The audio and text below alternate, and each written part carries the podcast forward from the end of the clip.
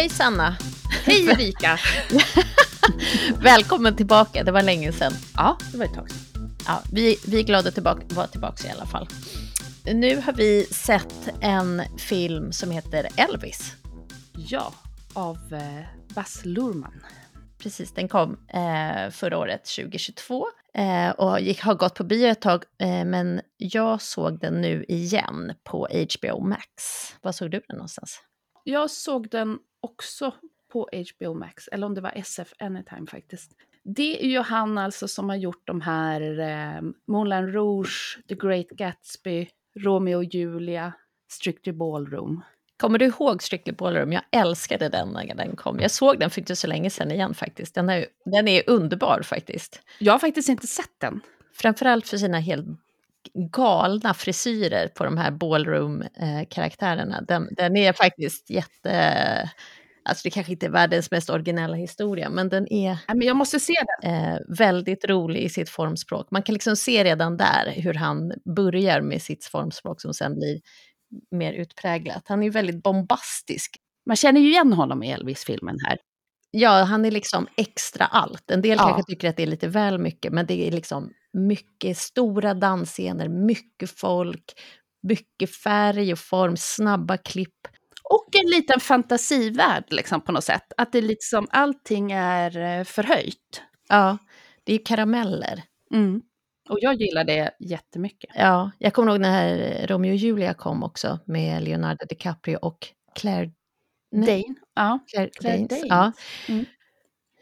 Hur han tog liksom den eh, ändå gamla historien och gjorde den i sitt formspråk. Den blev ju, det blev ju fantastiskt, tycker jag. När jag bara kollar vem som har gjort kostymen, och det är ju det Catherine Martin, och hon är ju hans fru och också medproducent och eh, även production designer och har varit med på alla de här andra filmerna också. Mm -hmm. Och de har två barn tillsammans. Men de är ju liksom som ett familjeföretag. Det kan jag tro. Och det verkar också som att eh, han är väldigt inne och petar i alla detaljer också. Mm. Så jag tänker att de två är väl som ett team då och har kanske, kanske varsitt eh, ansvarsområde. Han är mer på regi och hon är på eh, liksom, production och kostym och färg och form. Men att de nog jobbar väldigt tätt ihop, det, det tror jag. Verkligen, för det låter som det. När man hör intervjuer med henne så, eh, så hör man också hur hon beskriver att han vill ha det här, han, så här tänkte han med kostymen och sånt där. Så det, man hör verkligen eh, i hur hon beskriver deras liksom, diskussioner kring varenda liten detalj. Ja, och det är ju många detaljer i de här filmerna. Ja, och då kan man ju fatta med att han inte kommer med en film varje år, utan det tar ganska lång tid emellan. Ja, det var nio år sedan han, hans förra film kom, va? Jag tror det. Sen är de ju från Australien och den här har ju spelats in också då i Queensland i Australien. Ja, och det här är, det är hans första film, nu får vi säga han eftersom det ändå är han som är regissör. Ja, ja. Eh, det här är hans första film om en, person, en verklig person. Mm. Annars har han ju tagit eh, ja, i fiction. Liksom. Mm. Um, han ville göra en film om Alexander den store förut, men sen så uh, där Leonardo DiCaprio skulle spela. Men uh, sen så gjorde Oliver Stone den filmen före honom. Men det är ju, utgångspunkten är ju hans komplicerade förhållande till managern som hette, vad heter han, Colonel... Tom Parker. Tom Parker, ja, som spelas av... Eh, Tom Hanks. Tom Hanks. Och att det är, liksom, det är lite utifrån hans synvinkel. Och men lite det här liksom, vad är... Lite, det är väl bara det? Ja, det är bara det. Nej men jag tänkte, ja. det, det är ju lite det här med konflikten mellan att vara kommersiell och konstnärlig och hur det är att bli känd och känd så snabbt. Och... Mm, och hur ensam han blev där i slutet. Det är väldigt sorgligt faktiskt. Ja, verkligen. Men också såklart så går det ju inte att göra en sån här utan att fokusera på hans uppenbarelse på något sätt kan man säga. Alltså liksom, hans kroppsrörelse och kläder och hår, alltså hela hans uppenbarelse påverkade folk. Kvinnorna skrek och svimmade. Nej men alltså den första scenen när han börjar sjunga och kvinnorna börjar, börjar skrika utan att de riktigt förstår vad som händer. Men den är så bra. Det är så roligt. Och männen blir så skeptiska för de förstår inte heller vad som händer. Vad kommer en killen med rosa kostym och eh, och tjejerna bara skriker. De blir jättehotade såklart. De vill, de vill både vara honom, de hatar honom, men de vill också vara honom. Ja. Men det är så fint, det är speciellt en kvinna som ställer sig upp och bara vrålar rakt ut. Hon vet liksom inte, nu hon ser också så chockad ut själv över, att, över sin egen reaktion. Liksom. Ja, det är en underbar scen. Egentligen är det då från slutet av 40-talet fram till 70-talet, han dör 77, men det är ju fokus på 50, 60, 70-talet, liksom, genom hans olika eror. Ja, man kan väl säga att den börjar ungefär 50, 54 ungefär när han börjar eh, så, så läser jag det i alla fall, ungefär där. Men det är en liten så här, när han är barn, det är ju på slutet på 40-talet där, ja. en pyttelite. Han är född 35. Ja. Så att, och han börjar liksom sin musikaliska bana när han typ är 18-19 på liksom kommersiellt och det är ju där vi möter honom första gången. Mm.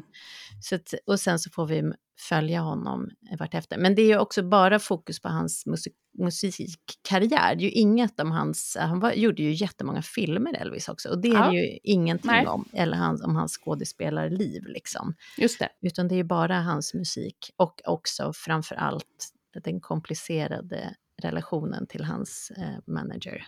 Men man kan ju tänka att det är kanske bra, för den är ju ändå två och en halv timme lång. Så skulle det vara filmerna och... Ja. I, han var ju två år i militärtjänstgöring i, i Tyskland också. Ja. De har ju valt ut en liten del att fokusera på, som tur är, för annars hade det varit en... Man hade behövt en tv-serie En helgmatiné. På fem säsonger, om man ja. skulle få in allt.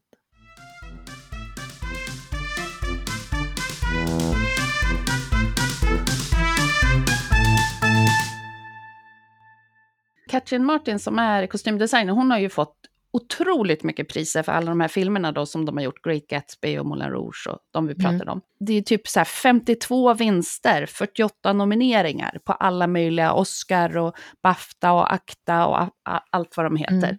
Och den här, Elvis lär ju nog också få jättemycket priser. Den har väl fått några av de här priserna redan. Men... Ja, de är, de är också, har vunnit ju väldigt mycket, men är också nominerade. Men nu har den ju också, den kom ju 22, så det har ju också massa, massor av de här awards som inte har hunnit delas ut ännu. Eller sådär. Alltså jag tycker det är jättekonstigt om den inte blir nominerad i Oscar.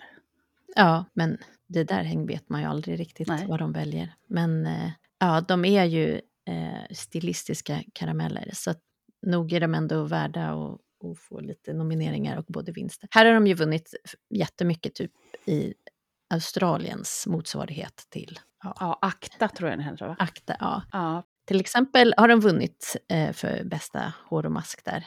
Men kostymen här också, det är ju både exakta replikor, alltså exakta kopior från olika situationer i livet som man känner igen. Och sen har de ju också gjort egna konstnärliga val. Men jag känner att det har de gjort på ett så bra sätt, eller ett smart sätt, att de, de här vissa ikoniska kostymer som man liksom alla vet hur de ser ut. När han eh, 1968 när det, han gör någon comeback, han står i en svart läder-outfit. Mm, mm. Och bröllopskläderna vid skilsmässan när de får Lisa Marie, där de har gjort, försökt göra det exakt efter bilderna.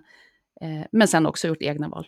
Ja, men det är ju också när man ska göra en biopic efter människor som har levt på riktigt och de som är så dokumenterade. Det har vi pratat om förut med, när vi har pratat om andra mm. filmer också med, som är baserade på personer som har levt. Så är det ju så att när de är så dokumenterade, det är ju både jättehärligt för de som ska göra, men det låser ju, det är också en svårighet, för då är man ju också ganska låst till det om alla har redan de här referens bilderna i, så här såg de ut, det där stämmer mm. inte, det där är inte korrekt. Och då är man ju både lite låst till att ska man göra det exakt som det såg ut eller hur mycket får man, hur mycket eget får man lägga in liksom. Så det är ju både, en, det är ju både härligt och jobbigt kanske att ha alla de där referensbilderna på hur det var på riktigt. När de gjorde den där uh, julspecialen när han eh, gör den här comebacken, då har, det är ju ett studioinspelning där det finns jättemycket och då har de ju tittat till och med på statisterna som sitter runt omkring, eh, så har de gjort exakta kopior på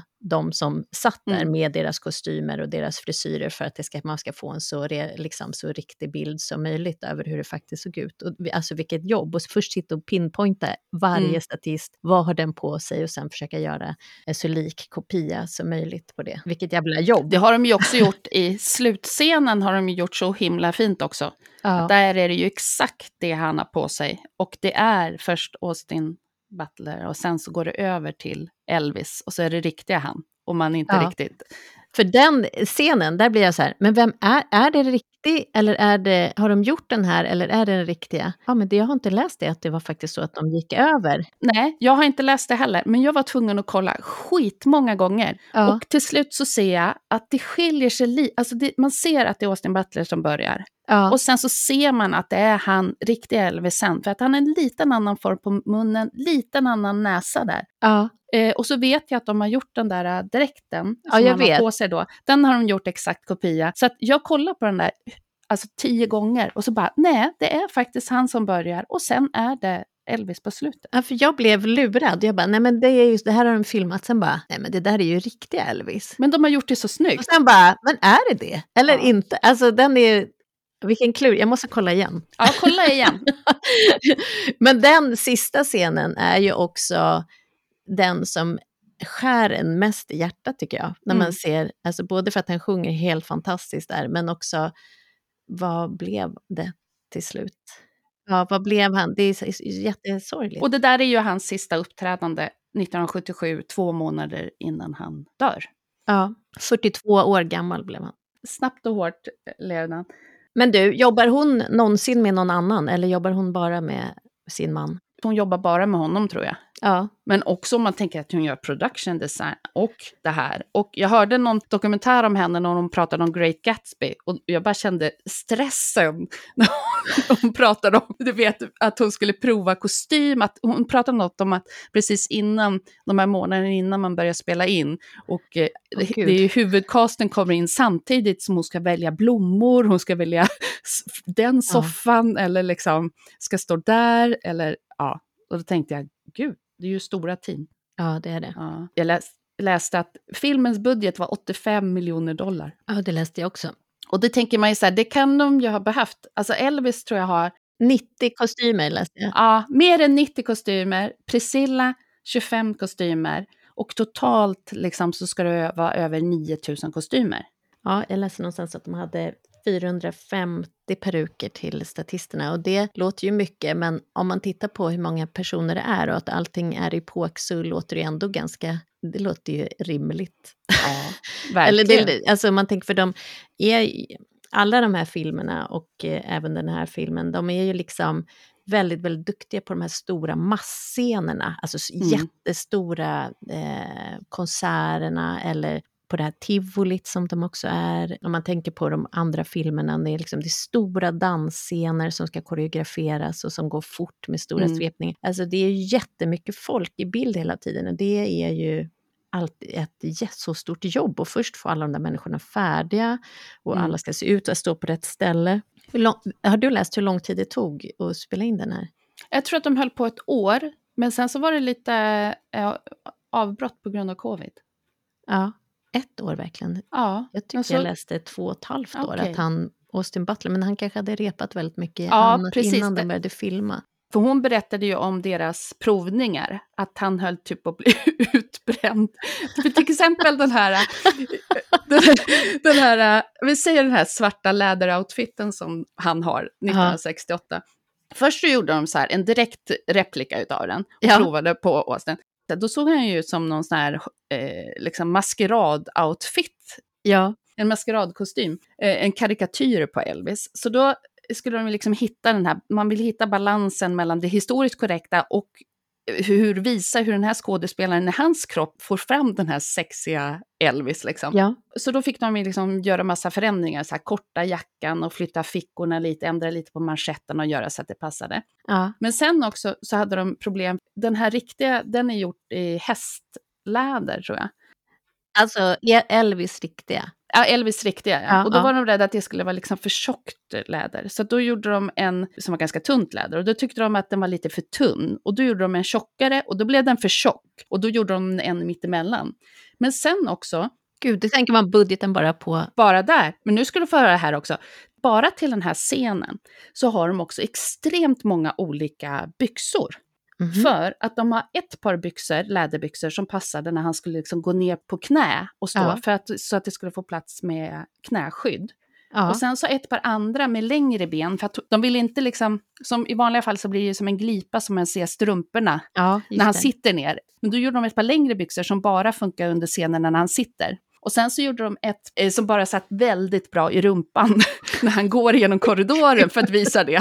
Och sen så gjorde de som ett par vanliga.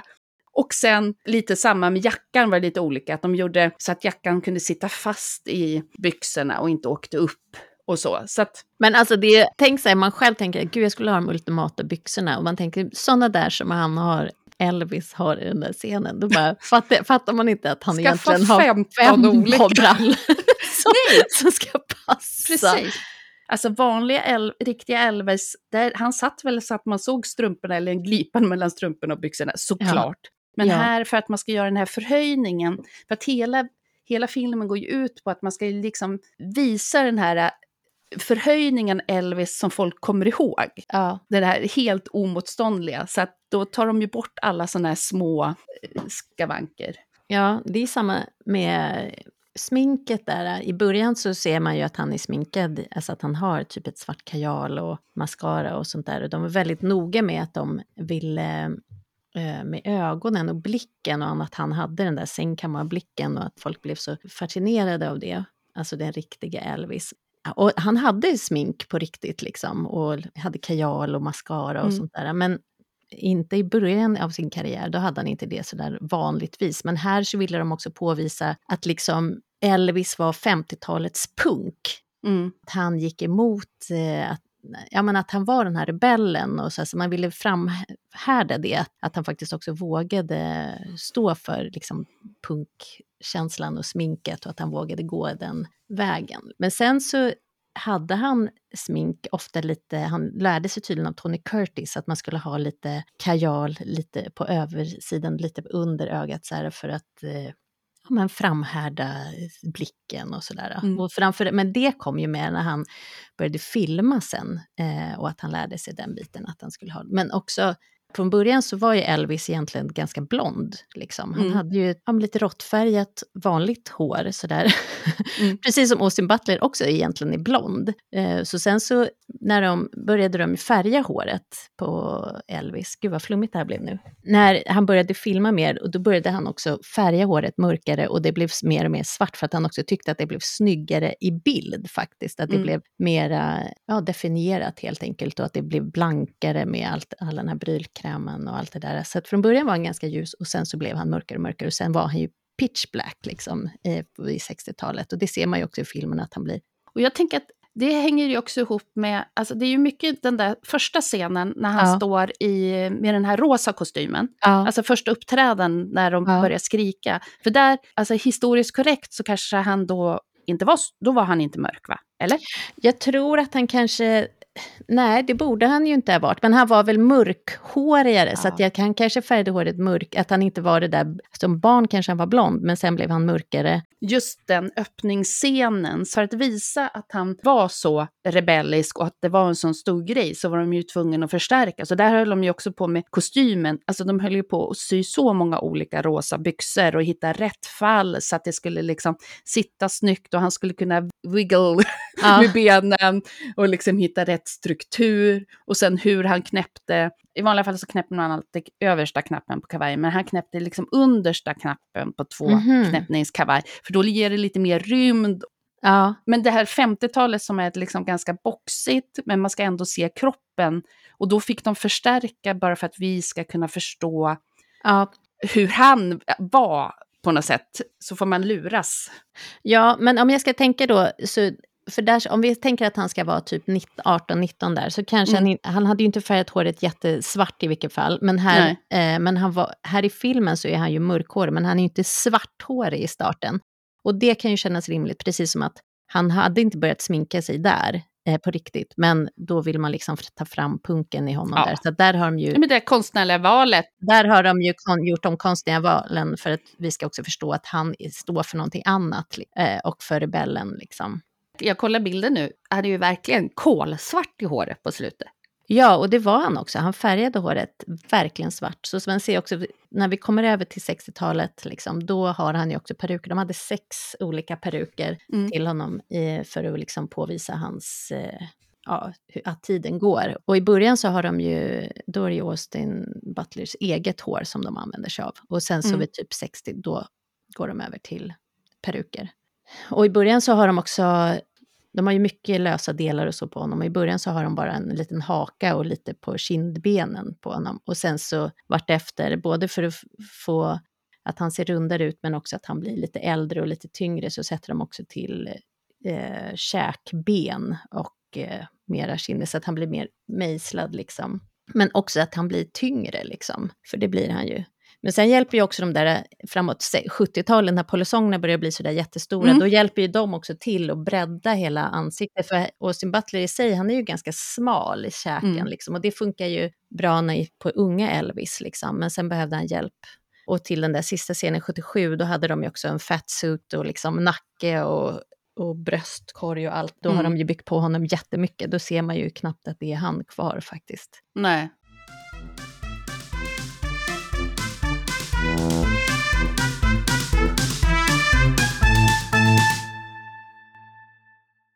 Men ska jag berätta lite vem som har gjort eh, maskdesign här då? Det är en kille som heter Shane Thomas. Han eh, är mest känd för att ha gjort Hacksaw Ridge och han gjorde också den här The Dressmaker med Kate Winslet. Ja, den kommer. Men, och han har gjort jättemycket grejer. Han har liksom, men inget som jag känner till, s- sådär mycket tv-serier och sånt där. Men det här är de två som jag kan så här, ja, veta.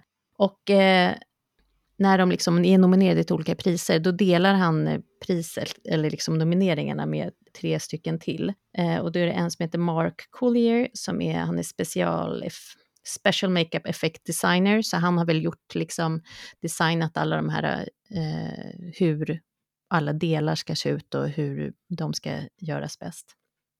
Han har till exempel jobbat med Little Britain och Harry Potter och Grand Budapest Hotel och han har vunnit flera Oscars och sånt innan. Och sen har de också med sig en tjej som heter Louise Colston som är deras eh, huvudhårstylist. Hon har gjort till exempel Godzilla vs Kong och Iron Sky. Och alla de här är superetablerade. Och sen så är det en kille till som heter Jason Baird som är Special Effects Supervisor. Så de är fyra stycken som delar på priset, men eh, det är han eh, Shane Thomas som står som eh, makeup and hair design, så han är väl liksom den som är huvudansvarig. Mm. Men och de är 62 stycken namnade på IMDB som har varit med på maskavdelningen. Eh, det låter ju jättemycket, men samtidigt inte så mycket. Man tänker Nej. på de här stora scenerna. Men det som är intressant är också att de har så många olika epitet. Om man tänker Mm. att mask bara är så här, lite smink och hår, eller eventuellt lite, lite special effects med lösa delar. Men här har de också dental prosthetics, alltså de som Mhm. gör lös, alltså tänder. Ja. Eh, och det tänker jag, det är ju ett jätteeffektivt och bra maskverktyg om man vill förändra en persons ja.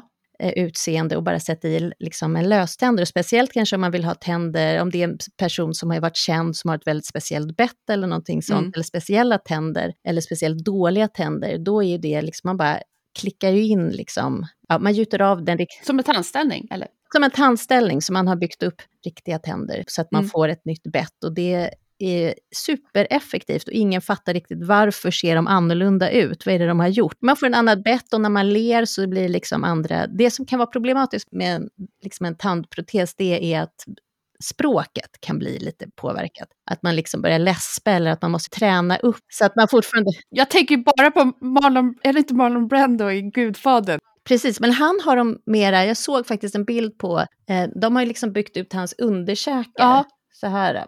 Så att han har ju liksom som en skena på underkäken och sen så har de byggt ut så att det ser ut som att han har lite marsvinskinder om mm. man säger. så det är inte tänderna i sig, men det är ju bettet. Han har ju också lite svårt att prata. Ja, precis. ja, men sen så har de också liksom prosthetics mold maker. Det är bara den som sitter och skulpterar, som bygger mm. formarna till det här, som så skulpterar upp det. Eh, som kanske aldrig är på set eller inte något sånt, men som är liksom en jätteduktig skulptör. Har man engångs, alltså så här, de här prosthetics som han får på sig då, liksom, ja. är det en är det engångs eller är det nya varje dag? Ja, det är nya varje dag. Har de 40 inspelningsdagar, då måste man ha 40 stycken. För att de där kanterna är så, så tunna. Så att, för det får ju aldrig det. synas. Så att, och sen när du har tagit bort dem, då är mm. kanterna inte tunna längre. Då har ju de liksom skröplats bort. Så att de måste vara nya varje dag. Sen har de också en contact lens painter and designer. Så det är alltså någon som har suttit och designat eh, och gjort specialkontaktlinser, antagligen för att få rätt eh, ögonfärg och eh, allt det där. Mm. Och eh, såklart perukmakare och så. Så det finns ändå en hel uppsjö av olika yrken inom mask, liksom, så man kanske inte tänker på att det finns. Nej, och det är ju kul att höra. Med kostym så förstår man ju att det är så här, ja men skräddare och ja. lite olika. Men mask tänker man ju inte på det. Ja, nej men precis. Och alla har olika uppgifter. Liksom. Någon är kanske specialist på ja, att göra kontaktlinser, men sen behöver man också den som är specialist på, eller som tar ansvar för hela eh, extras liksom för alla statister mm. och provar av alla dem. Det kanske inte den här Shane Thomas gör, utan det är någon som är special, mm. som har ansvar för hela den biten. Och så, ja, men det är ju jätte, jättemycket folk. Så ja. jag tänker 62 stycken, jo mycket, men kanske ändå inte jättemånga. Det är nog, precis, precis. Jag har inte kollat hur många de är på kostymen, de måste ju ha varit massor. Ja. Där har de ju också, förutom att hon har ju liksom designat kostymen så, så ja. har de ju också gjort ett samarbete med Prada och Miu Miu. Ja. Miu Miu. Miu Miu. Miu Miu, Miau Miau. Och Prada har de gjort en, eh, Prada kanske det heter till och med. Nej, jag vet inte. Där har, har de gjort ett samarbete med dem. Så att, eh, och där förklarade hon också den där lyxen av att jobba med ett sånt där lyxmärke att man, liksom, man researchar tillsammans, sen så går ju de ner i katalogerna, letar och så kan man säga så här, ja men jag vill ha de där byxorna med det där tyget, med de skorna, med de här knapparna och så fixar de liksom hela ja, det. Lyxigt. Så det är ju en, precis en jättefördel med ja. Och det har hon ju speciellt använt till några av Elvis eh, kostymer, men mycket till eh, kläderna som Priscilla Presley har på sig hon är ju bara 14 år när de träffas, mm. då är ju hon någon som, alltså hon är ju så ung, så att, mm. eh, då är hon liksom någon som följer trenderna. Och sen när mm. de gifter sig och hon blir Priscilla Presley, då blir hon en som sätter trenderna. Mm. Och hon har ju också helt fantastiska frisyrer. Vid något tillfälle när de har den här eh, ikoniska bilden från deras bröllop, hon har en jättehög beehive, eh, då har hon ju två det är två peruker uppe på varandra för att kunna bygga den där eh, höjden. Ja. Och man tänker, är den på riktigt? Men bilden, på bilderna är det ju på ja. riktigt. Och hon är ju också, alltså när man ser de riktiga bilderna så är hon ju mycket mer. Hon har ju mycket mer eyeliner och mycket mer fransar och så än vad hon har i filmen. Så jag känner i filmen, tycker jag är ganska vanligt. Det var samma som i Eyes of Tammy Faye, att liksom när man tittar på de riktiga bilderna så är hon ju mycket mer och mycket kladdigare än vad de har gjort i filmen. De har ändå städat det lite för att vi också ska tycka att de, det är snyggt. Liksom. Ja, men det är ju det. Mm. De, och det är ju samma sak, därför kan de inte ta en exakt kopia av hans replika av Elvis kostym och sätta på Austin. För måste, vi måste få det så att vi, en kombination av hur skådespelaren ser ut i det och hur vi tittare ska uppfatta det ja. med våra moderna ögon just nu, så att vi känner det som man vill förmedla med den karaktären just där. Ja, ja men exakt.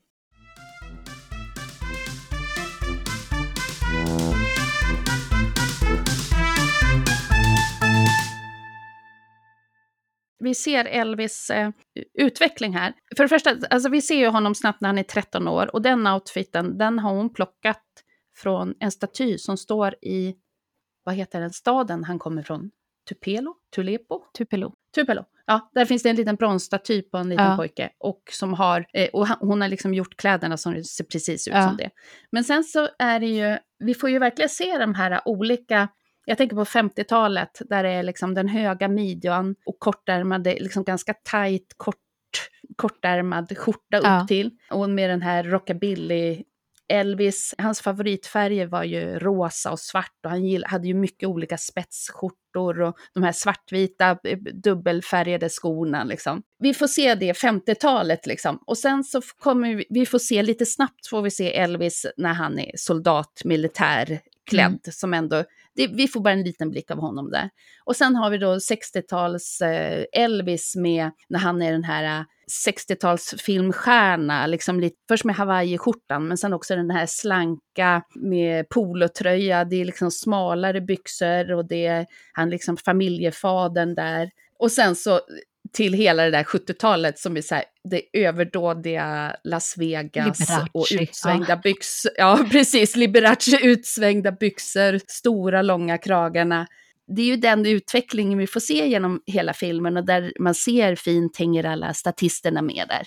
Ja, det är ju samma i, i hår faktiskt. Att 50-talet så är det hans eget hår och liksom med längre polisonger och det blonda håret och det är hans eget liksom. Och sen så på 60-talet när han färgade, då har han blivit filmstjärnan och det håret ligger ju som en hjälm liksom. Och då har han rakat bort polisongerna och det är mycket mer fokus på höjden än på något annat. Och i starten på 50-talet så har ju han ju mycket längre hår än vad seden, alltså vad det normen är, för man ska ju ha kort hår där på 50-talet. Så att även om vi tycker att han har kort hår nu, så är han, har jag mycket längre hår än vad normen är. Han ligger ju i framkant. Och hela den där normbrytandet med liksom den här rosa som inte var det typiskt äh, Ja, manliga just då. Och eh, alla hans spetsskjortor han hade, han sminkade Ja. sig. Så det är ju också roligt med den här, äh, han tar mycket typiskt feminina Ja. grejer, men han är så extremt maskulin. Liksom. ja så att, och att han också vågar vara så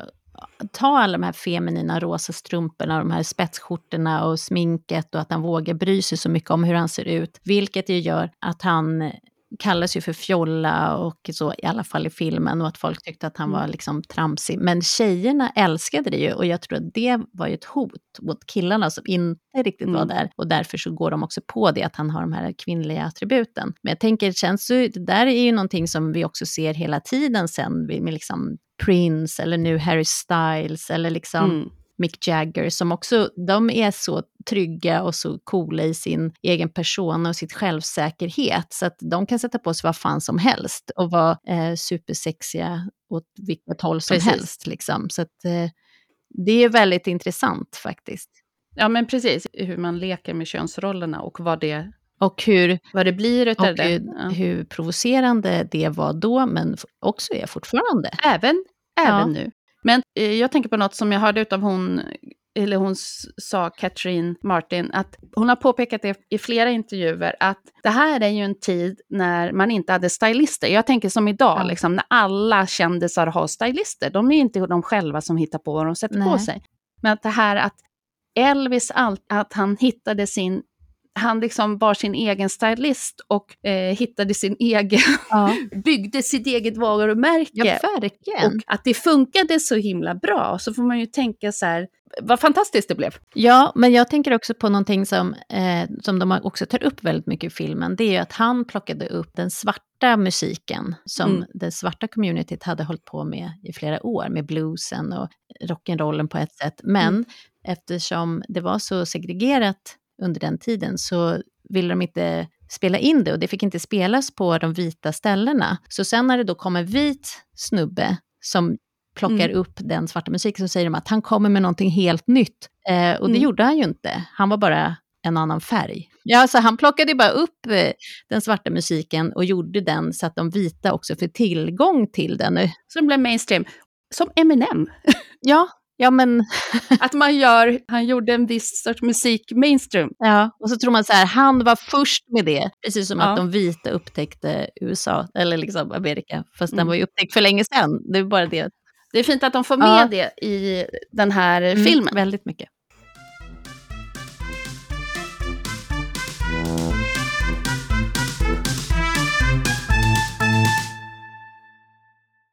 Priscilla, hon spelas ju av en tjej som heter Olivia, de, Olivia de Jong. Ja, det är John. de Jong. Hon är en australiensisk skådespelerska som vi inte har sett till förut, men hon har ju också jobbat en del. Hon har ju inte så jättestor roll här i filmen egentligen. Nej, precis. Hon är inte med så jättemycket, men de har ändå eh, verkligen försökt att sätta henne i att hennes resa i först den här superunga 14-åringen och sen mm. så den här ikoniska Elvis fru. Och sen så ja. vart efter, när hon är så här svarthårig precis som Elvis, har jättemycket eyeliner och bla bla bla. Och sen så vart efter, när hon också slå, skiljer sig från Elvis och mm. blir en egen person, hur hon då blir blond och... Alltså hon, att hon är inte statisk i hur hon ser ut, utan hon har också en utveckling. Jag tror att de har fyra olika peruker på henne, för liksom också, på, hon blir ju blond och 70-tals sushi i håret. Liksom. Där ser man, det är ju verkligen eh, där de har plockat ut så exakta från bilder, liksom bröllopsklänningen ja. när Lisa-Marie föds. När de sitter i bilen, när de lämnar över Lisa-Marie ja, och hon ber kära honom att han ska ta in på rehab. Ja. Den outfiten som både han och hon har där är exakt replika från när de 1973 kommer ut från domstolen efter skilsmäss, skilsmässodomstolen, okay. kommer de ut därifrån ja. hand i hand så finns det en bild. Och det är precis exakt samma, han har samma tracksuit med skjorta, smycken och hon, de hade ju så här två dygn på sig och snabbt försöka sätta ihop den här som en slags läderapplikationsrock okay. som hon har på sig. Ja. Som, så fick teamet eh, sitta och jobba dygnet runt för att få ihop den här till den här scenen. och vi tycker bara så här, nej men det såg ju fint ut. Sen har det också blivit att hon har mycket byxor. Hon har ganska mycket byxor. Mm. Och byxor var ju liksom ju modernt och hipp, så det är väl för att visa det lite. Det såg jag, som jag hajade till på, när hon kliver in i bussen, hon har en ljusblå dräkt, hon kliver in i bussen till Elvis. Mm. Där är blixtlåset, dragkedjan sitter mitt fram på byxorna. Mm. Och då tänkte jag, det var ju jättetråkigt att de gjorde så, för nästan alla byxor som kvinnor, eller alla byxor som kvinnor hade då, då satt dragkedjan i sidan, för det var så obscent när kvinnor började ha byxor, att man faktiskt hade dragkedjan också i mitten som kan liksom sätta fokus på det hemska som finns mellan kvinnors ben. Usch, säger jag. ja, men precis. Där är ju då en Mio Mio direkt, men det hade ju varit fint att man inte hade sett dragkedjan mitt fram, tycker jag. Men det är så liten detalj som typ bara du tänker på, men ändå mm. speciellt ju. Ett annat samarbete de har haft med kostymerna, och det är ju de här kostymerna som är för, på slutet på de här Las Vegas-comebacken, de här jumpsuitsen och det. De var på Graceland och eh, researchade jättemycket och då såg hon Catherine Martin att där fanns det så utställningsdräkter från de han hade. Och då såg hon ett, eh, vem som hade gjort dem och det var ett företag som heter BK Enterprise de är liksom en kombination av personer som faktiskt gjorde hans riktiga eh, kläder, alltså no, hans skräddare och han som broderade åt honom. De har också copyright på designen som gjordes av hans... Eh, han hade en eh, kostymdesigner som jobbade med honom som hette Bill... Han hette Bill Be Bellew. Och copyright till eh, dräkterna har de det här företaget. Så att hon beställde massor med dräkter därifrån. 34 stycken beställde de. Och det är 10 som vi ser i den färdigklippta filmen. Det var ju han Bill Bellew som, han kom med idén till den här svarta läderoutfiten. Mm. För han hade tänkt så här, gud alla har så här denim, eh, jeans och jeansjacka, tänk om vi skulle göra det här i svartläder istället. Så det var första gången han började jobba med honom, mm. 68.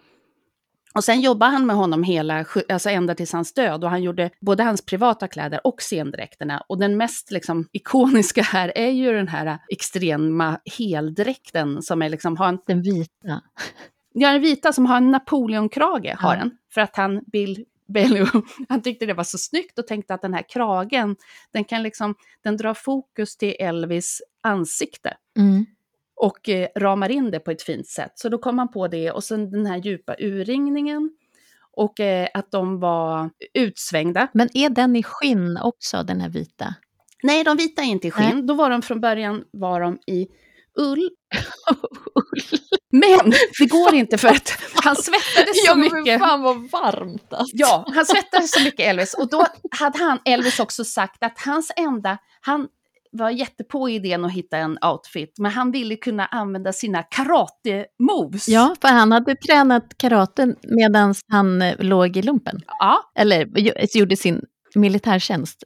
Så det var ett krav och då för att hitta rätt material så gick han och hittade de här eh, som is, eh, ice skating, vad heter det, konståknings, ja. eh, ett slags tjockt eh, jersey sportmaterial som de gjorde de här dräkterna i. Ja. Så att han skulle kunna göra sina karatemoves. Också ett brett bälte då. Och sen så började det med broderier och sen blev det mer och mer broderier. Sen den här manteln som han började med, första gången, jag tror att det var när de skulle göra på Hawaii, eller om de skulle göra någon tv-sänd grej, så gjorde de den här äh, American Eagle-dräkten. Alla dräkter hade ju olika namn. Ja, bara det skulle vi kunna ha ett eget program om. Ja, verkligen. Det finns något som heter Blue Wheat, då är det liksom en blå med vete grejer. Det finns den här, den han har sista dagen, den heter ju Mexican Sundial, som är en, den här aztek, eh, mexikanskt solur och så är det Chrysler Building på, på benen.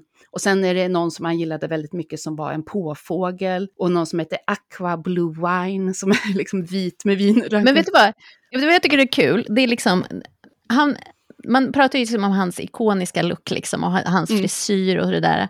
Och tydligen så läste han väldigt mycket serier när han var barn. Ja. Och, blev, och hans favorit var den här Captain Marvel Jr. som ser ut som någon slags för, som ett barn Stålmannen med det här mm. mörka hår, svarta håret med en sån här lock som hänger fram och med superhjältekostym med en liten mantel. Mm. Och i början så är det liksom då är han ju superhet i det. Och sen tänker jag i slutet, det är också fint i filmen där de har tagit upp när de berättar tillbaka, att de tar upp det i serieform så att man liksom mm. får in det där seriekänslan. Men jag tänker också i slutet vad han har på sig, eller liksom under sina scenkostymer, de ser också lite grann ut som så här superhjältekostymer och framförallt när den där manteln kom till och liksom så att han äh, blir ju liksom som en en parodi på sig själv liksom i slutet. Verkligen. De sista bilderna i filmen till exempel när han står i den där vita dräkten och i mantel och den där kragen och håret. För han har ju blivit en ganska tjock och sorglig eh, superhjälte. Men, han är superhjälten, the king. The king. ja, men att det ändå är fint att, att den formidén om superhjälten liksom har satt sig hos honom och, och är kvar. Mm måste berätta då om manteln då. Då hade han Bill föreslagit då att vi gör en mantel och så broderar de den. Eh, och en fotsid mantel, han skulle liksom breda ut vingarna. Fotsid mantel, ja, oh, gud. ja, ja, jag skulle breda ut händerna så här. Men då var det så fruktansvärt tung, ja. så han ramlade omkull. så då fick de i så här panik göra en ny, kort och därför blev den kort. Ja. För jag tänker som Liberace, han hade ju också liknande med så stora, men han står ju helt stilla. Men stor del av Elvis, det är ju hur han rör sig på scen. Det skulle ju inte gå med ja, ja. massa så fransar och massa andra saker. Nej. Men sen så är det de här broderierna också som blir mer och mer. Och det gjordes av en som heter Jean Dosette. Eh, som gjorde broderierna på Elvis kostymer. För det var den här kostymdesignern som heter Bill han blev ju mer och mer upptagen av en massa andra, han gjorde filmer och musikaler och grejer. Och då kunde han också bara ge honom en så här vit dräkt och så får han hitta på själv. Och till Elvis-filmen så har de faktiskt använt honom, Gene, alltså han lever fortfarande, han jobbar tillsammans med den här äh, företaget BK Enterprise. Så att han har faktiskt hjälpt till och sytt lite på de riktiga kostymerna som Austin har på sig i filmen också. Mm -hmm. Vad fint! Tog in den här jeans så att han fick brodera, för att allting syns ju på så nära håll nu för tiden i filmer. Jag tänker då med de här prosthetics-kanterna, eh, dräkterna syns i nära håll, för det är en helt annan sak att se någon på scen eller att som vi ser skitnära på filmduken. Och sen till den här dräkten också så hade han ju ofta någon scarf. Ja, just det. För han svettades också jättemycket, så man kunde torka svetten med. Och sen gav han ju bort den hela tiden till någon i publiken. Det är också någonting som de har jobbat väldigt mycket på i filmen, svettkontinuitet. Han svettas ju väldigt mycket när han spelar. Och hålla kontinuiteten, hur svettig han var, det var någonting som de jobbade med oerhört mycket och att håret var rätt svettigt liksom och eh, att det droppade eh, lagom mycket och att det liksom var kontinuitet i det så att den inte helt plötsligt är torr, blöt, torr, blöt. Ja, och jag tänkte också när han svettades så där extremt mycket och så hade han den här vita dräkten, då tänkte jag, kommer man se att det droppar lite så här färgar av sig sminket. om någon så här sand, sminket någonstans. Gud. Alltså det måste, vilken nerv, vad nervöst det måste vara när man ska spela in och ha de här kritvita grejerna. Ja, jag tror vi 68, ja, på, på 60-talet, när de började gå över på 70-talet, då spenderade eh, de ganska mycket tid på Hawaii också, Priscilla och Elvis. Så att man ser också att de är ganska solbrända när de har kommit, jag tror det är den där 68 julspecialen, då ser man att han är ganska mm. solbränd och även Priscilla. Ja. Så det är ju också en grej som de har tagit med. Och det tänker jag också är en, så här, om man, där är skönt att han har en svart eh, skinnjacka till exempel. För att om man, och få folk att se solbrända ut också. Eh, det är ju någonting som kan ju svettas av på kostym. Varför det är så många vita dräkter? Det är för att när de gjorde de här äh, i Las Vegas, då var ljussättningen var ju inte så utvecklad då. Hade han vitt, då gav det mest effekt för att kunna här, ljussätta i olika färger och han blev mest liksom, upplyst på scen. Och vi ser Hank Snow, som är Hank Snow och hans son, som liksom är han Tom Parkers artiststall i starten. De har ju de här jättefina västernkostymerna med applikationer och broderier på. Mm. Började kolla, för jag såg ju det här på Hank Snow, så började jag kolla vad det här är. Det är ju någonting som kallas nudisuit. Det är en eh, färgglad kostym som är så dekorerad med broderi, ofta så här kedjestygn. Och så är det applikationer, ofta med tema. Och sen så ofta med massa kristaller mm. på. Och det är som västern och countrysångare hade det i början av 50-talet. Så det var ju superpopulärt så här 50 till 80-talet. Och det här har fått sitt namn då av en eh, man som är ursprungligen från Ukraina, som flydde till USA. Han hette Nuta Kotlyarenko. Mm. Någonting sånt. Och när han skrevs in i USA när han kom dit så skrev de Nudie Cone på mm. honom. Så han fick ett nytt namn. Han eh, levde då 1902 till 1984. Han träffade sin amerikanska fru, Bobby Kruger, och de började tillverka och sälja burleskkläder till burleskdansare på 40-talet och hade ett företag då som hette Nudies for Ladies. Mm.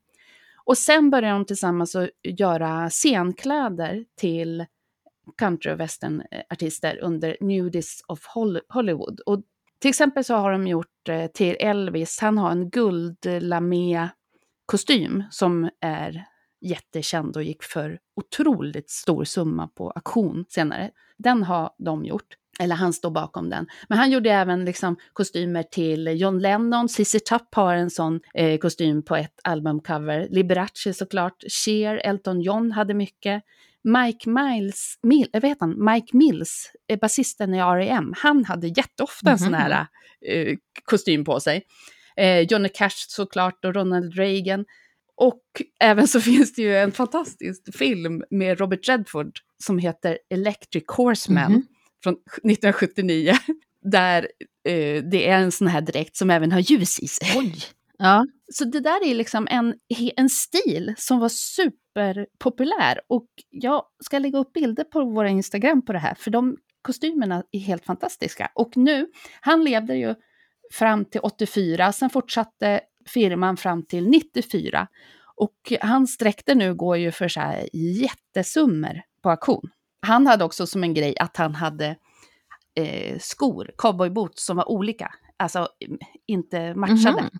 Och det hade han alltid som en liksom, påminnelse om hans jobbiga under depressionen, hur svårt han hade och, och inte kunde ha matchande skor. Ja. Så därför dekorerade han sina cowboyboots så att de såg ut att inte matcha. Nej, Han dekorerade även bilar ja. också. Eh, jag tror att sen bytte det här företaget namn till Nudies Rodeo Tailors. Man ser också att det är från Nudies som inspirationen till de här äh, kristall, alltså till de här dräkterna han har i Las Vegas, där det är så mycket, liksom, det är tema på varje dräkt. Ja. Och det är inte broderier där då, utan det är kristall, kristaller. Ja. Vi har ju också Tom Hanks med som spelar Colonel Parker. Tom Parker heter han kanske till och med. Ja, Tom Parker. Ja, och det, det, är ju liksom den andra stora huvudrollen här. Eh, Tom Parker känner vi ju liksom inte till i gemene man hur han såg ut. Så att där kan ju de ha gjort precis vad som helst. För att, och vi kan bara tycka att ja, ja, så, han känns rimlig liksom. Men de har ju gjort ett gediget arbete och försöka få Tom Hanks att se ut precis som han gjorde. Det finns ju bilder och så på honom. Och han, Tom Hanks, rakade tydligen av håret, sitt eget hår för att kunna att det skulle vara lättare för dem att applicera alla de här lösa delarna. Det är ju ett jätte, jättestort arbete. Jag kan inte tillräckligt mycket om lösa delar och hur det fungerar för att jag ska kunna säga exakt vad som har hänt eller vad de har gjort. Men han satt tydligen fem och en halv timme i smink varje dag för att få det här att hända. Och det ser ju jättefint ut. Han känns ju som en osympatisk person, den här. I filmen så framställs han ju som att han har skammat Elvis rakt av. Ja, och det var väl massa alltså, rättegångsutredningar ja. angående honom efter Elvis död. Ja, verkligen. Och han blev också dömd, tror jag, för att han hade lurat Elvis. Eh, men tydligen var det så att när han pratade med Elvis, då sa han så här, absolut, det där kan vi göra, så kan det bli, det blir jättebra. Och sen så, så fort Elvis gick ut genom rummet så sa han så här, det där kommer inte att hända. Så att jag tror att han var en riktig, riktig lurendrejare. Och ja, vi behöver inte prata så mycket mer om honom. Nej.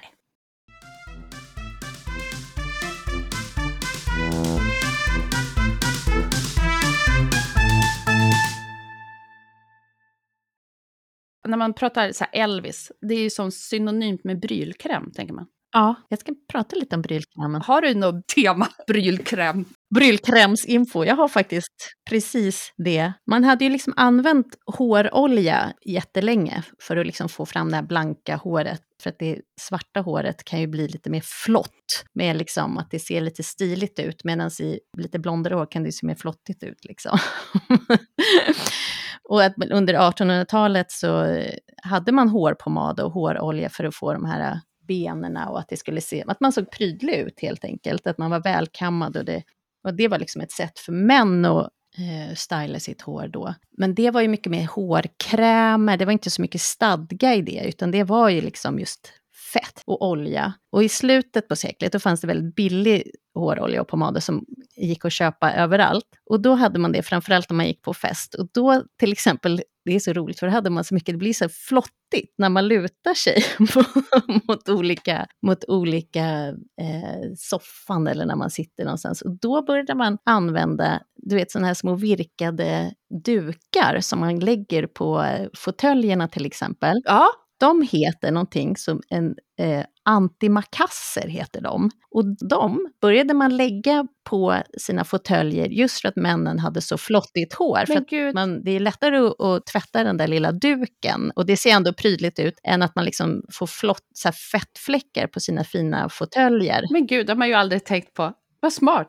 Ja, och de hette just antimakasser för att det fanns en hårolja som hette Makassar, Makassar Oil. Men det har man ju verkligen sett, ja. det är som små dukar som hänger på en soffkant. Och så man tänkte att det är bara en dekoration. Ja, precis. För det ser ju trevligt ut. Men de ja. hade också en funktion. Ett syfte. Ja, ja. det är jätteintressant. Eh, och eh, då hade man den där håroljan, den där hårpomaden, för att man liksom, ja men det signalerade att man var prydlig, att man var korrekt och att man hade styr på sina saker. Men sen så kom ju krigen och man klippte håren superkort och kanske snaggade håret och sånt där. Så då försvann håroljan lite grann. Men sen plockades det upp igen här på slutet på 40-talet och början på 50-talet. Då började det komma någonting som hette The Greasers från början var greaser liksom ett namn för eh, mexikanska arbetare som jobbade inom, eh, de smörjde liksom tåg, tåghjulen, de var, hade superhårda jobb. Har det någon koppling sen till filmen Grease? Ja, det kommer ju sen, ja, för att det heter Greasers. De var i slutet på 1800-talet och sen så efter eh, andra världskriget och vid Koreakriget, när det, då kom det hem massa folk frontsoldater som skulle försöka återanpassa sig till samhället, framförallt i USA, då kommer greasersarna från. Och då köpte de ut billiga Harley Davidsons eh, motorcyklar och levde liksom i utkanten av samhället och var liksom rebeller och så. Och då var det liksom, de hade det här flottiga håret som blev lite längre än det som var mode precis. Eh, och så hade de, det sas att de hade så här motorolja i håret för att det skulle få den rätta stuket. Men de hade nog kanske mer hårpomader. Men det, det, då, det var ju liksom innan de här hårda pomaderna kom. Eh, det är därför de, de har ju alltid en kam i bakfickan, för att det där mm. hårda, det höll liksom inte håret på plats. Utan när de åkte på sina motorcyklar, då blev ju frisyren förstörd. Så mm. så fort de liksom hade stannat, då fick de ju kamma till håret igen, för håret satt ju inte på plats. Liksom. Alltså när de hade det mjuka? Ja, precis. Det var liksom innan den hårda hårvaxet Mm. kom, som var mer petroleumbaserat, som är mycket som håller Just det. saker på plats. Då kan du köra i full fart. Och håret rör sig inte. Men innan så var det liksom, det var mjukt, det var bara fett. Liksom. Mm. Så då så fort det rörde sig, då tappade de ju. Så de var ju tvungna att kamma hår, precis som eh, han gör i, i Grease-filmen till exempel. Den där rockabilly-kulturen med stålkam, brylkräm. Ja, och Elvis han kammade sig också hela tiden. Och det var ju för att håret inte, det fanns ingen stadga i det där vaxet, det kom lite senare. Mm. Hur som helst så blev det där jättemodernt i och med några filmer som kom där. 1953 då kom det en film som hette The Wild One, där Marlon Brando var med i, i huvudrollen, som skildrade just två stycken, eller ett sånt här greasers-gäng liksom. Och de var ju supertuffa och det där satte ju liksom fart. Och sen så kom det nog två till filmer som hette On the Waterfront och eh, Rebel Without a Cause. De kom vi också vid den där tiden, tidigt 50-tal. Och med James Dean, som också har den här eh, stilen. Och så är det liksom jeansen och vita t-shirten. Ja, precis. Alltså det är ju en viss look som... och så kom ju Elvis, så han, plockade, han var ju ung precis Mm. där och plockade upp det där också. Så att de här, det här gänget var ju liksom de som satte den looken och som satte Mm. den här brylkrämslucken. Och det blev ju jättestort. Men det poppar också upp på lite andra ställen som eh, The Teddy Boys i England till exempel. De har ju också samma slags frisyrer. Just det. Eh, fast de har ju en helt annan stil, men de har också det här eh, pompadours och alltså, det är också Mm. väldigt roligt för den frisyren som Elvis har, som är den här mest signifikanta när det är liksom hög eh, lugg eh, i fronten, den kallas för en pompadour och det är ju precis ja, Madame de Pompadour från 1700-talet. Det här är bara den manliga varianten på den. och de här frisyrerna som då också heter olika saker, som till exempel quiff och ankstjärtsfrisyr, du vet när man har kammat ihop håret här bak så att det blir som en ankstjärt ducktail. Just det. Och sen de här, något som heter jelly roll eller också elephant trunk. Det är när man liksom har kammat upp som två, från sidorna hårt upp och sen så som två lockar ner så här i pannan. Mm. Jag tänker också Jerry Williams. Ja, men exakt. Och det här liksom spred sig ju också, på, båda de här teddybears, men de, de har ju en helt annan stil i kläderna, men Mm. samma frisyr. Men i Sverige så har vi ju raggarna som plockade upp den här stilen jättemycket. Mm. De är ju liksom, det är ett ungdomsmode som står för att man ställer sig utanför. Jag tänker också att det här är ju också, alltså 50-talet hade ju varje riktig proper man hade ju också en huvudbonad. Ja. Man hade hatt. Det kan man ju inte ha om man har de här snygga frisyrerna. Nej, nej. Alltså det krockar ju verkligen. Och de hade ju absolut inte hjälm, de här eh, killarna eh, i Greases. Nej. För sen blev det också så här, eh, alla hade ju såklart inte de där motorcyklarna, men i början hade motorcyklar. Men sen så blev, det, blev ju bilen det stora fordonet på 50-talet, alla skulle ha bil. Man kunde heller inte ha en dejt på motorcykel, utan man, det skulle man ju ha bilen. Men de här som körde motorcykel kanske var mer outcasts än den vanliga liksom, tonnisen. Mm. Det var också så här, den här äh, mjuka hårpomaden som de hade innan de här petroleumbaserade hårdare vaxerna var, de var ju också så eh, flottiga liksom, så om man svettades då, då smälte de ju lite så att man blev helt flottig, så de som hade de här elephant trunks, eller som hängde ner i pannan, de tyckte liksom inte att det var toppen med den här pomaden, för de blev ju helt flottiga.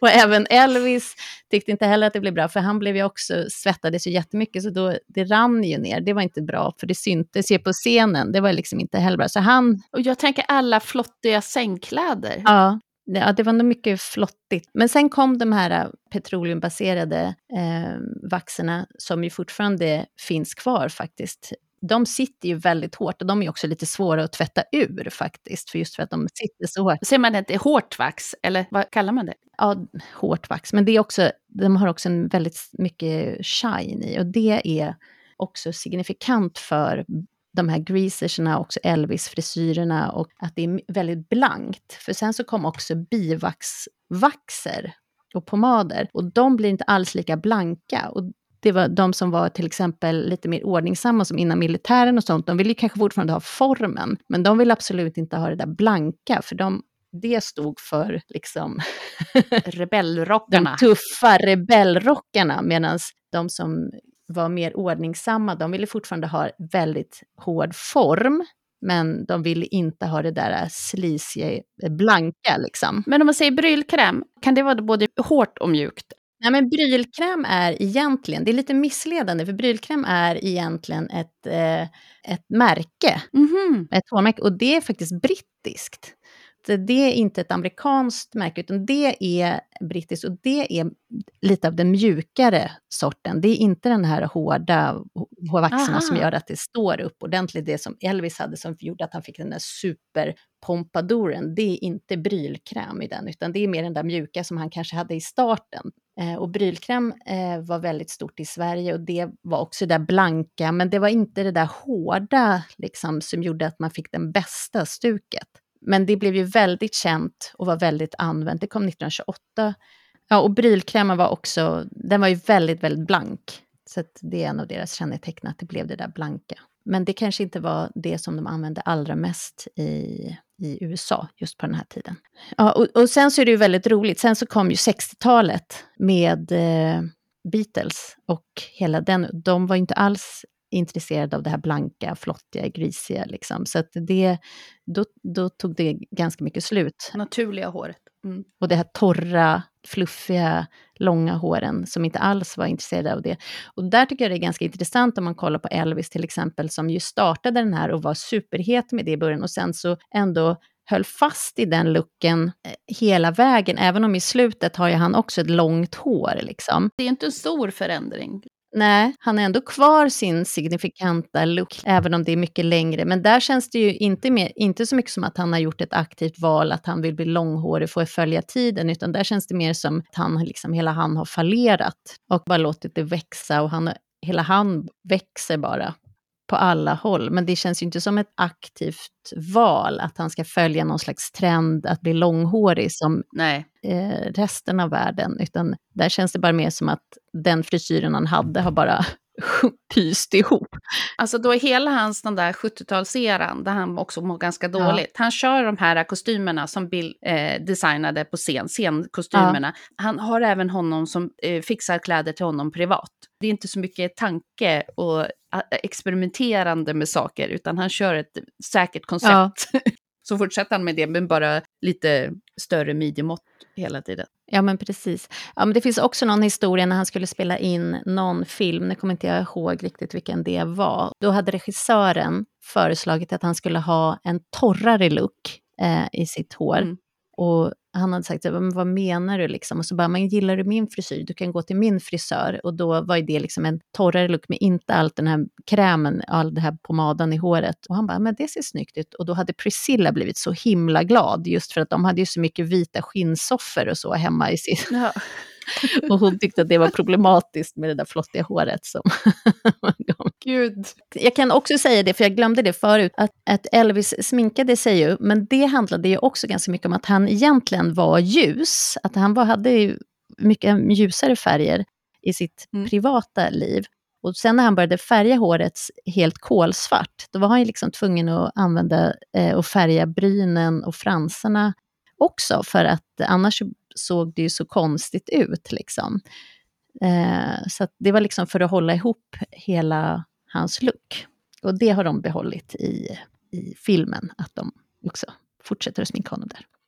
Eh, ska vi, vad vill du säga vad du tyckte? Alltså jag tyckte den var jättebra. Jag gillar ju eh, Bess Lurmans filmer, jag gillar den här äh, bombastiska och jag tycker det känns att de har gjort det så genomarbetat. Att de har kostym, eh, scenografi, storyn. Att det känns så ihoparbetat och bra. bra. Nej, men jag, jag tycker den är jättebra. Ja, men jag gillar det också jättemycket. Men jag gillar också hans formspråk och hans filmer jättemycket. Mm. Man förstår ju att de har lagt sitt konstnärliga filter på det här. Man, det är inte som man tänker så här, nu ska jag gå och se en dokumentär. Det är ju inte alls det. Nej. De har ju liksom förhöjt allting jättemycket. Men grundhistorien är ju där den är och den får man ju med sig. Ja, och att på samma sätt som, jag tänker så här, som Marie Antoinette, ja. där har de blandat för att vi ska förstå hur det var för dem som levde där då. Och här har de blandat och gjort så att vi ska förstå vad han betydde för människor då. Ja, exakt. Nej, men det är en eh, karamell. Den är lite lång. Ja, det märkte jag nu. Fast när jag såg den på bio, då tyckte jag att det bara var härligt och kände att jag kunde sitta lite längre. Men också när man ser slutet, den där slutscenen där vi har lite svårt att veta vem som är vem när de har klippt emellan, Mm. så blir jag också så här, och där har de ju också lite klipp på riktiga Elvis liv och så där. Och då blir jag också så här, som alltid, mer alltså, intresserad av att se en riktig dokumentär också. Ja, För jag kan inte så mycket om Elvis, jag har liksom aldrig varit intresserad av honom. nej, exakt vad jag tänkte. Eller hans musik eller sådär. Så att han har liksom bara, man vet ju vem han är såklart. Men det är inte som så att jag kan så mycket om honom. Men nu blev jag sugen på att se en riktig dokumentär. Mm. Nej men verkligen, jag var inte speciellt intresserad av honom förut överhuvudtaget. Alltså det var att det var Baz Luhrmann som hade regisserat Ja. som gjorde att jag blev mer lockad att se den. Eller hur? Eller hur? Mm. Verkligen. Ja, men med det sagt så måste jag också säga att det kändes som när man skulle börja, jag bara, den här kan vi prata om. men när jag började researcha så bara, åh herregud vad mycket Mm. information. Så att jag måste säga att jag ber om ursäkt om jag har eh, missuppfattat saker och ting, eller inte fått med mig allting, men det var massivt. Ju verkligen. Det sträcker sig över en lång tid och det är ju liksom, just vad det gäller kostym och mask så är det jättemycket kring Ja. Elvis. Med de orden Säger vi! säger vi tack för idag och eh, vi hoppas att vi snart återkommer med ett nytt avsnitt. Ja, och som vanligt kommer vi lägga upp lite bilder på vår Instagram, Silhouette och Ideal. Hej då! Hej då!